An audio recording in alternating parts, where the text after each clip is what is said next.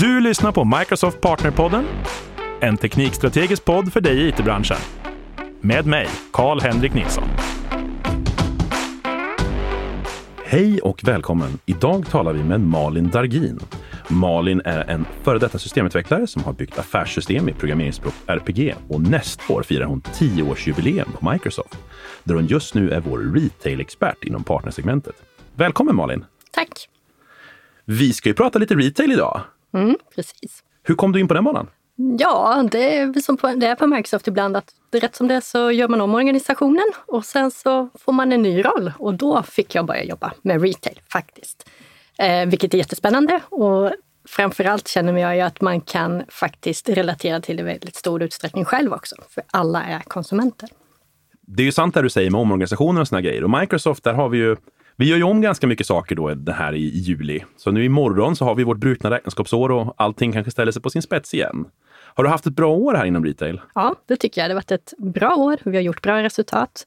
Eh, och vi ser också, trots att det är covid och man tror att våra kunder inte ska investera, så investerar de rätt så mycket. Det är ju lite intressant att de faktiskt utvecklar sin plattform framåt. Vad är det de bygger och tittar på inom våra, retail, våra retailkunder?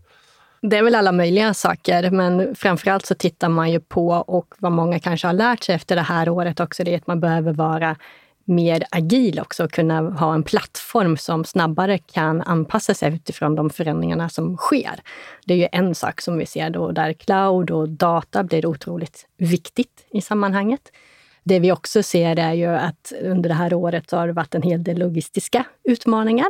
Produktionerna har inte fungerat som det ska i alla länder båtar har fastnat i Suezkanalen och ja, det sätter ju liksom saker och ting på sin spets. Samtidigt som inte kunderna har kunnat komma till butiken i alla lägen heller. Nej, men precis. Och jag hade ju själv kanske trott att man skulle fokusera på då att optimera sina butiker så att de få kunder man fick in där, att man verkligen fick, fick en optimal upplevelse för dem. Gör man någonting inom det också? Det har man ju gjort under en lång tid som man tittat på vad framtidens butik ska vara. Och man har ju pratat länge om ja, vad den ska vara. Man har pratat om att butiken ska dö. Eh, man har sett det mycket i USA, att köpcentrum och butiker där har lagt ner. Vi ser det i viss utsträckning i Sverige också. Men vi ser väl också att butiken har en central roll för att framförallt vara en marknadsplats, en, en ställe att visa upp produkterna på. Vi ser också att eh, kunderna går ju in i butiken och de främsta anledningarna att man går in i butiken det är att man vill ha prylen med sig hem med en gång. Precis, men man är ju inte så förutseende helt enkelt att man, att man kan göra ett online-köp. För man vill inte ha den om en vecka, man vill ha den nu. Så kan det vara ibland. Det är den ena delen. Och så vill man känna och klämma. Alla vill inte att någon annan ska plocka ens tomater till exempel. Sant. Jag har provat det här med hem, vad heter det, där de plockar mat åt en. Liksom. Ibland får man inte optimala tomater. Tror du att vi kommer få såna här butiker där man går in och klämmer och känner och sen kommer den levererad hem till dig? Det tror jag absolut. Jag tror framförallt att butikerna kanske inte alltid kommer ha sitt fulla sortiment, utan man kommer ha vissa saker som man har i butiken. Och sen kommer det finnas andra saker som du får leverans hem på istället. Så det tror jag absolut att, eh, och mer och mer också att man tittar på att butiken är en upplevelseplats. Men också att när jag är i butiken så vill jag att det ska gå beroende på vad jag köper så vill jag också att det ska vara en enkel eller ska man säga, enkel checkout egentligen. Jag ska enkelt kunna göra min, mitt köp. Liksom. Ja, men precis. Och för du, du har ju pratat med mig tidigare om det här som, du, som ni kallar omni-channel inom retail. Liksom. Kan, vi, kan vi på ett enkelt sätt bara liksom bena ut, vad, vad menar vi egentligen med det? Ja, omnikanal har vi pratat om länge också och vad man egentligen avser med omnikanal det är ju att man har flera olika kanaler där man möter sin kund och också att de här kanalerna ska hänga ihop. Så att oavsett om jag går in på nätet, vilket vi alltid gör nästan idag när vi ska handla någonting, om jag går i butiken eller om jag köper på telefonen eller om jag köper på något annat sätt så vill jag att jag ska ha samma upplevelse i alla de här kanalerna. Men jag vill också kunna mixa och matcha de här kanalerna på olika sätt. Jag kanske vill beställa på nätet men hämta i butiken eller beställa i butiken och få det hemskickat. Så att Omni handlar om att få ihop alla de här kanalerna till en helhetsupplevelse egentligen. Precis. För vi hade en ganska intressant diskussion där, för du pratade om att det inte bara heller det här med omnikön och handla och köpa, utan även den här upplevelsen, både för de som handlar i butiken men kanske även för, för personalen. Ja, jag skulle säga både för personalen men också för kunden. Och jag tänker också, jag pratar mycket om upplevelse i butik här nu, men det handlar också om en upplevelse på nätet eller i de digitala kanalerna också. Och där finns det ju olika mekanismer hur man kan jobba med det. Det vi väldigt mycket har sett är ju liksom, ja men du får dina mejl, du får dina sms, du får eh, förslag på vad som kan passa när jag väljer en viss produkt online och sådana saker. Men det vi har sett under pandemin är ju också att hur man blandar den digitala kanalen med en fysisk närvaro också. Där vi har sett mycket live-shopping, någonting som började i Kina, men som vi under pandemin i ganska stor utsträckning har sett här i Sverige och Europa också. Att retailers bjuder in eller handlare bjuder in för att presentera sina produkter i en live-strömning till exempel. Och att ah. jag där direkt kan handla de här produkterna också. Okej, okay, jag fattade inte vad du menade först. Live-shopping. Men det är alltså en, en, en, typ, en, en webbsändning där man kan shoppa grejer? Precis. Intressant. Typ, nu får jag ju så flashback till TV-shop när jag var liten. Liksom. Ja, en modernare variant på TV-shop skulle man kunna säga att, att det skulle kunna vara. Eh, Men jag antar att det är stora modehus och såna här väldigt intressanta produkter och människor med väldigt mycket kunskap de här produkterna som bjuder in till det här. Jag, tänker, jag ser, framför mig så får jag upp så här Clarence och modemärken och såna här grejer. Ja, och det är precis. Det är ofta modemärken, kläder, men också kosmetik. Kicks kör typ den här livestreaming-varianten. Eh, men även typ Kjell Company eh, för er mhm. herrar tänkte jag säga, även hos damer. Så att man ser det liksom på olika nivåer. Och, det som, och kopplat till det så är någonting som också börjar komma mer och mer i Sverige och kanske också för att vi länge har haft mycket influencers där ute.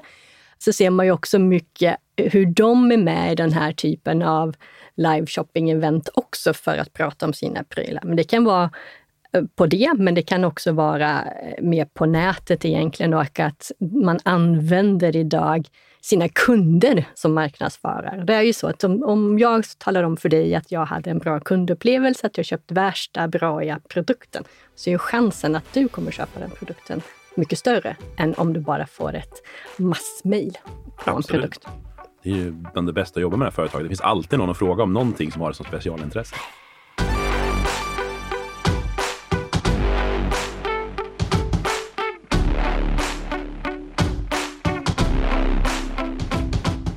Ser vi några partners som bygger produkter om det här? då? Ja, jag jobbar ju med alla möjliga partner. Jag jobbar ju både med de som är systemintegratörer och implementerar det här, men jag jobbar väldigt mycket också med våra ISV-partners, det vill säga in, kommer jag knappt ihåg vad förkortningen står för. Independent, Independent Software Vendor. Precis, tack. Vi är ju experter på det där med treställiga förkortningar. Jag jobbar jättemycket med den typen av partners, så det är väldigt många som bygger lösningar för att bemöta de olika behoven som våra retailers har. Då. Dels inom supply chain som vi pratade om tidigare, men också, och som alltid har varit väldigt starkt på retail-sidan, är ju hela ja, men kundupplevelsen, de som bygger webbshopparna. De är otroligt viktiga inom retail fortsatt. Liksom. Och så med massa olika komponenter och extra lösningar kring det för att göra upplevelsen så bra som möjligt i form av liksom, rekommendationsmotorer och Ja, men absolut. Jag tänker vi märker även på, på techsidan så märker man att nu kommer verkligen de som bygger webbshoppar starkt för de börjar fråga om mycket mer avancerad arkitektur. Det kommer liksom eventbaserad arkitektur och de ska göra saker på olika sätt och vis. Och så saker. Så man ser ju verkligen att jäklar vad de är på gång. Ja, och det intressanta där du nämnde där, det är ju de som inte hade en online eh, innan pandemin. De har ju sett till att de har en online idag. Ja, just det. Det är intressant. Ser du några andra trender eller fokusområden som våra retailkunder pratar om? Så man kanske kan, om man säger nu är vi partner, jag ska bygga en, nu ska jag, nu ska jag ta mig in i retailbranschen, bygga en lösning. Vad är det för trender vi pratar om? Ja, man pratar ju om olika trender där. Den ena är ju kundupplevelsen. Allt som förstärker kundupplevelsen är, eh, är fokuserat för våra retailers. Det kommer mer och mer teknik in i våra butiker också. Jag pratade om self-checkout förut, det vill säga att jag som kund i princip eh, ultimat är ju att jag går in i butiken som Amazon Go-konceptet. Jag går in i butiken och sen går jag ut ur butiken utan att jag egentligen har gjort någonting. Jag har stått, inte stått i en kassakö, jag har inte gjort någon betalningstransaktion, utan allt det där bara flyter på egentligen. Och det är ju det ena liksom, i butiken, att det ska vara så enkelt när jag handlar. Men sen å andra sidan så vill jag ibland ha assistans också. Och där har vi bland annat en partner som jobbar med smarta devices eller variables. Så att om jag som kund vill ha hjälp så trycker jag på en liten knapp och så går en signal ut till personen som kan hjälpa mig, till exempel. Men vi ser också mycket liksom, skärmar i butik och att kunna liksom, inspirera eh, dig som kund i butiken att handla mer. Vi på Microsoft har fokuserat jättemycket på det här med sustainability på senaste tiden. Har du sett det, att det liksom återspeglas i våra retailers? Absolut. Eh, sustainability är någonting som är otroligt viktigt och ett stort fokusområde bland våra retailers. Det finns inte någon som inte har någon typ av hållbarhetsplan idag. Och när man pratar om hållbarhet, det första många tänker på det är ju den, den miljömässiga hållbarheten. Men hållbarhet är så mycket, mycket mer.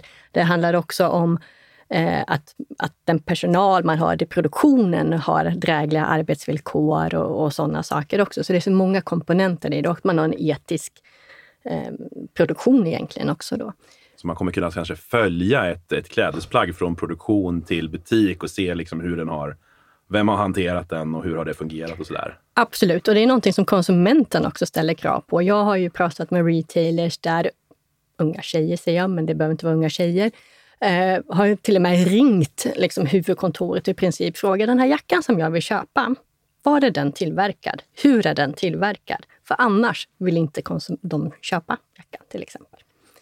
Eh, så det här är ett otroligt eh, liksom, ja, det är ett fokus från våra retailers, men det är också ett fokus från konsumenten som också ställer krav på det. Och där ser vi också mycket samarbeten inom olika branscher och den här ser ju också ut olika, den här kedjan, beroende på om det är kläder man säljer eller om det är mat man säljer eller om det är några andra prylar man säljer. Men alla har, och framförallt ska jag säga kläder och mat är det mest fokus på det här området, även om det förekommer i de andra bolagen såklart också. Men just att visa spårbarheten är störst i dagsläget på mat och kläder.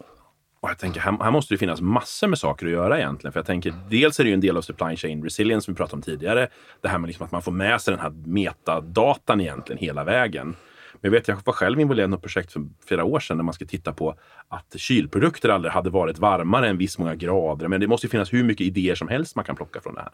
Ja, absolut. Och jag tycker också att man, det finns också många organisationer. Här måste man också som inom respektive bransch samarbeta också för att få fram eh, liksom, rätt information. Och ofta så pratar man ganska mycket om blockchain-teknologi här också, där producenten kan liksom verifiera datan och, och, och, så vidare och så vidare så att man kan följa hela spåret ja, bakåt ja, men, men, egentligen en, från en produkt. En ledger liksom över, över vad som faktiskt händer med den. Ja. Och där tittar man ju också egentligen utifrån dels Liksom om man då kopplar an mer till cirkularitet också som ett annat stort område inom det här området, framförallt när det gäller kläder men även möbler, eh, så handlar det också om att kunna följa produkten genom hela livscykeln egentligen. Och där finns det också flera spelare som tittar mer på hur kan man till exempel tagga klädesplagg, tagga produkter för att kunna följa dem från egentligen ja, födseln till graven. Då. sen så vill man ju egentligen att graven ska vara när plagget till exempel är helt utnött. Vi ska inte slänga ett plagg som fortfarande kan användas. Nej men precis. Är det det här som jag har sett när man pratar om att man liksom hyrköper barnkläder och såna här grejer? Att de kanske används flera gånger och såna här saker? Ja, tittar man på fashion så är det väldigt mycket initiativ för att eh, liksom få en cirkulär kedja där egentligen. Och där man då också tittar på att plagg, när inte jag vill ha det längre så ska det tas om hand om och antingen kan någon annan använda det eller så kan det gå tillbaka i kretsloppet för att skapa nya kläder till exempel. Det verkar finnas väldigt mycket nya affärsmodeller och nya idéer och nya produkter som kan komma inom retail faktiskt. Så jag hoppas ju verkligen att det är någon som lyssnar på det här nu och återkommer till oss med något coolt de vill bygga, eller hur? Absolut. Om du skulle få göra en liten framtidsspaning då? Hur, hur kommer framtiden inom retail se ut? Om vi, om vi bara tar, tar all vår fantasi och bara kollar rakt ut i framtiden. Mm tror man kommer se en mer ansvarsfull retail, det vill säga att både de som säljer och vi som konsumenter kommer ställa lite andra krav. Jag tror också att vi kommer se mindre av slit och släng som vi haft under en period. Att man har ett större miljötänk och fokus på liksom att ja, det finns bara en planet. Eh, jag tror också att vi kommer se en mycket starkare koppling eh, liksom, i teknologin, Omni som vi var inne på, att det hänger ihop i mycket större utsträckning. Det finns otroligt mycket data inom retail. Det finns väldigt mycket, vi vet exakt hur kunden beter sig på nätet. Däremot har vi lite mindre i dagsläget på hur kunden beter sig i butik. Men det tror jag också att vi kommer se mer och mer av också, att man fångar upp motsvarande data som vi gör online, men även i butik. Och också att det i sin tur också kan göra att jag kan få en bättre kundupplevelse som kund, att jag får mer direkta erbjudanden på vad som passar mig. Kanske också mer av eh, prenumerationstjänster. Du köper alltid den här produkten. Ska du inte köpa den igen? Mm. Eh, själv hade jag något sånt exempel. Köpte någon kräm på Bodyshop för ett tag sedan. Strax innan krämen tog slut så fick jag ett mejl nu börjar nog din kräm ta slut. Ska du inte köpa en ny? Det där tyckte jag var personalisering på verklig personalisering. Inte det här mass eh, liksom erbjudandet. Du har köpt det här tidigare, ska du inte köpa nu? Nu visste de. För det roliga var att min kräm höll på att ta slut också. När jag fick det här meddelandet. Och det där gillar jag ju på något sätt. För jag kan ju vara så lite integritetsvurmare och tycka att men, ni ska inte ha så mycket koll på mig. Men om jag, nu ska, om jag nu ska ge upp den då, så att de ska få ha min data, då vill jag ju gärna att det ska bli så där bra att då ska det verkligen vara bara du, men shit vad lätt ditt liv blir istället. Så då får man ju liksom, det, det skulle jag verkligen gilla känner jag. Och det är väl det vi ser också, att känner man som konsument att man får tillbaka någonting för den datan jag delar, då kommer jag också att vilja dela min data. Samma sak när det gäller det här med hållbarhet vi pratar om också. Där tittar ju också retailers på olika, ja, nästan till incitamentsmodeller för hur de ska få mig som kund att lämna tillbaks mina plagg till exempel för återvinning eller för återanvändning när inte jag vill ha dem längre. Det finns flera som har börjat med, och det här är det man ser också, nya affärsmodeller. Du var inne på hyra kläder förut. Både Ikea, Zalando med flera köper tillbaks dina kläder. Eh, jag tror att man kommer se fler av de här exemplen också och där man också ser ja, nya affärsmodeller för våra retailers och att det blir mer och mer också kopplat till produkt och tjänst, inte bara alltid en produkt. Det här är verkligen superspännande.